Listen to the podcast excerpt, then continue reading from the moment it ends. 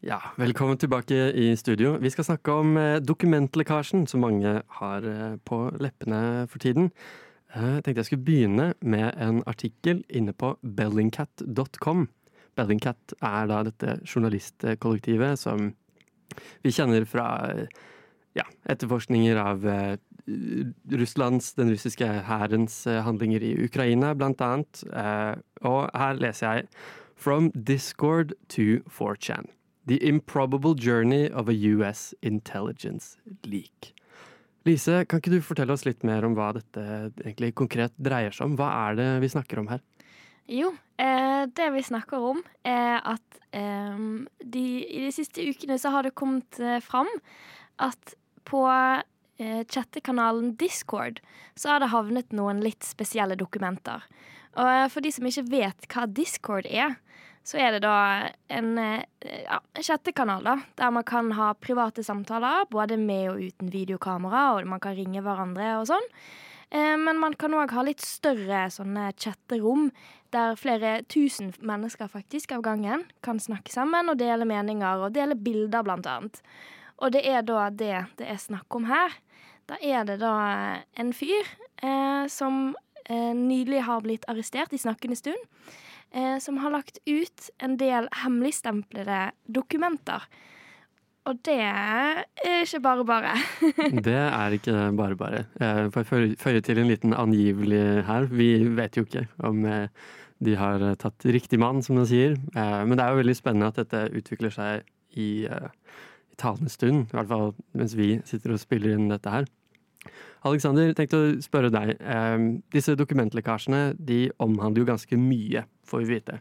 Så det er jo eh, amerikanske etterretningsfolk og etterretningstjenester som har samlet inn data og laget rapporter fra mange masse ulike land og konfliktsoner.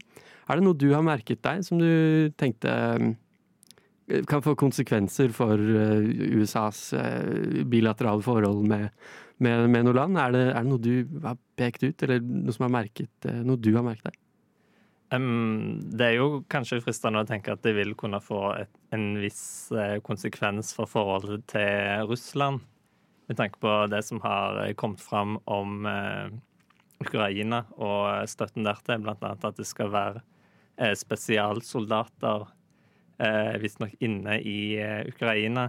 Nå husker jeg ikke om eller hvor mange som var amerikanske av de. Eh, Men eh, man kan jo se for seg at det vil få en eller annen konsekvens da, i forholdet mellom USA og Russland. Men med mindre kanskje at dette egentlig er noe Russland kjenner til fra før.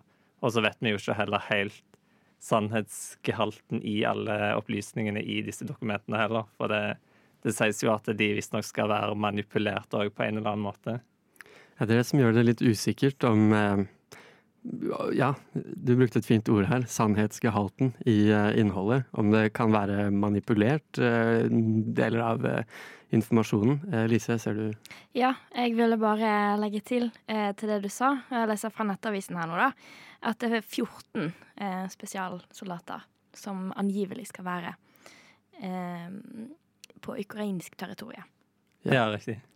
Det, Men de- det vil jo i så fall være eh, sammen, Vil jo sammenfalle med det vi har hørt om at eh, vestlige militære styrker eh, tilbyr opplæring til ukrainske eh, forsvarsfolk.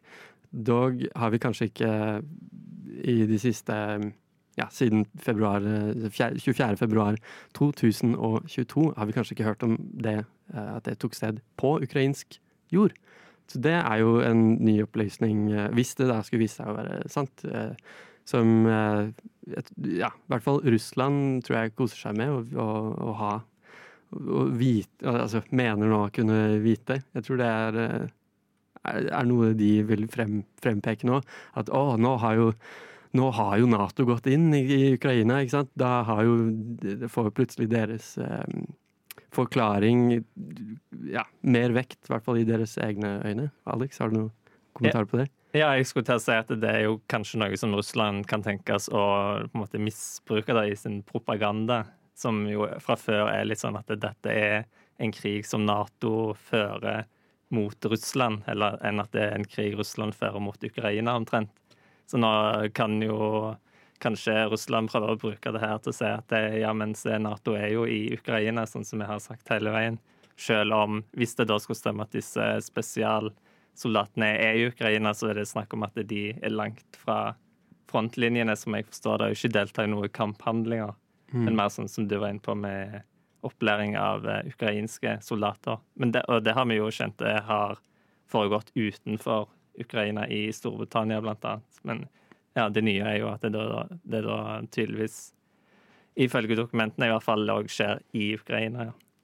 Så kan vi lære her òg av eh, BBC, som eh, videreformidler eh, noen uttalelser fra eh, Pentagon, altså det amerikanske forsvarsministeriet, hvor de kaller eh, lekkasjen en eh, seriøs risiko for Amerikas nasjonale sikkerhet, og at de, ja, Det hvite hus sier de også tar det extremely seriously, som det heter. President Biden derimot har på sin side sagt at de Eh, klassifiserte dokumentene ikke kompromitterer eh, i stor konsekvens eh, Amerikas etterretningsarbeid. Så det syns jeg er interessant. Her ser vi litt forskjellige varianter. Eller det kan virke som det er veldig mange eh, tolkninger og varianter og forklaringer ute og går på disse dokumentene. Også de som vi var inne på tidligere, med troverdigheten, hvor sanne de, de er. Vi hørte jo at eh, Russland i eh, Dmitrij Peskov, altså eh, Vladimir Putins eh, offisielle pressetalsmann, eh, først hevdet at dette var eh, ja, rett og slett forfalskede dokumenter. I hvert fall deler av materialet. Og så fikk vi høre at ukrainsk Eh, ukrainske myndigheter også mente det var deler av innholdet som var eh, forfalsket.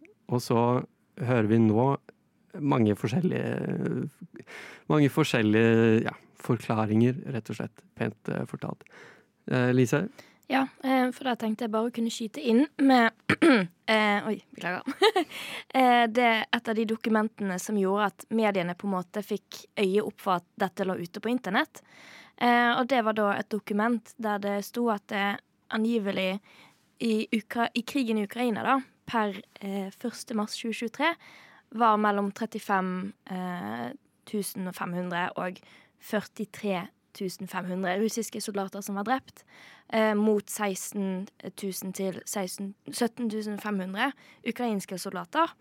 Eh, men så var det da òg eh, et dokument der ute der disse tallene var snudd på hodet. At det da var flere ukrainske soldater enn russiske. Eh, og det er jo òg noe Pentagon faktisk har vært ute og sagt, at dokumentene de har potensial for å spre desinformasjon. Fordi hvis de tallene som viser at ukrainske soldater da potensielt skulle ha lidd større tap, kommer fram, og viser altså, at folk tror på at det blir sant, så kan jo det ha ganske store konsekvenser for f.eks. moralen eh, til eh, de der ute. Ja. Jeg kan da opplyse at ifølge Bellingcat, dette journalistkollektivet, så skal denne endringen, denne manipulasjonen, denne byttingen av de eh, dødstallene, være gjort eh, av en russisk eh, telegramkonto. En russisk støttende en, en, ja, en, eh, en, en, konto som støtter eh, den såkalte spesialmilitæroperasjonen, eh, skal ha da byttet om på disse At det er, over, det er opphavet til denne misforståelsen, eller denne, denne desinformasjonen, om du vil. Det er jo kanskje en risiko at det er så mange ulike varianter og ulike forklaringer som flyter der ute. Vi vet jo at vestlige eh, myndigheter, i hvert fall tidligere i krigens forløp, har eh, publisert offentlig eh, sine eh, ja, publisert offentlig eh, informasjon for allmennhetens eh, gode. Så det gjenstår da å se om det vil komme mer eh, sånne intelligence briefings da, for den øvrige verden, for oss som ikke er i etterretningsmiljøet. Om vi vil se mer av det Eh, nå, i kjølvannet av disse lekkasjene. Jeg tror det blir, vil bli snakket mye om disse lekkasjene fremover, så det er sikkert eh, mye å lære stadig. At vi sitter nok ikke på den fulle og hele sannheten. Jeg sier takk til dere. Vi skal gå videre til en sang. Du skal få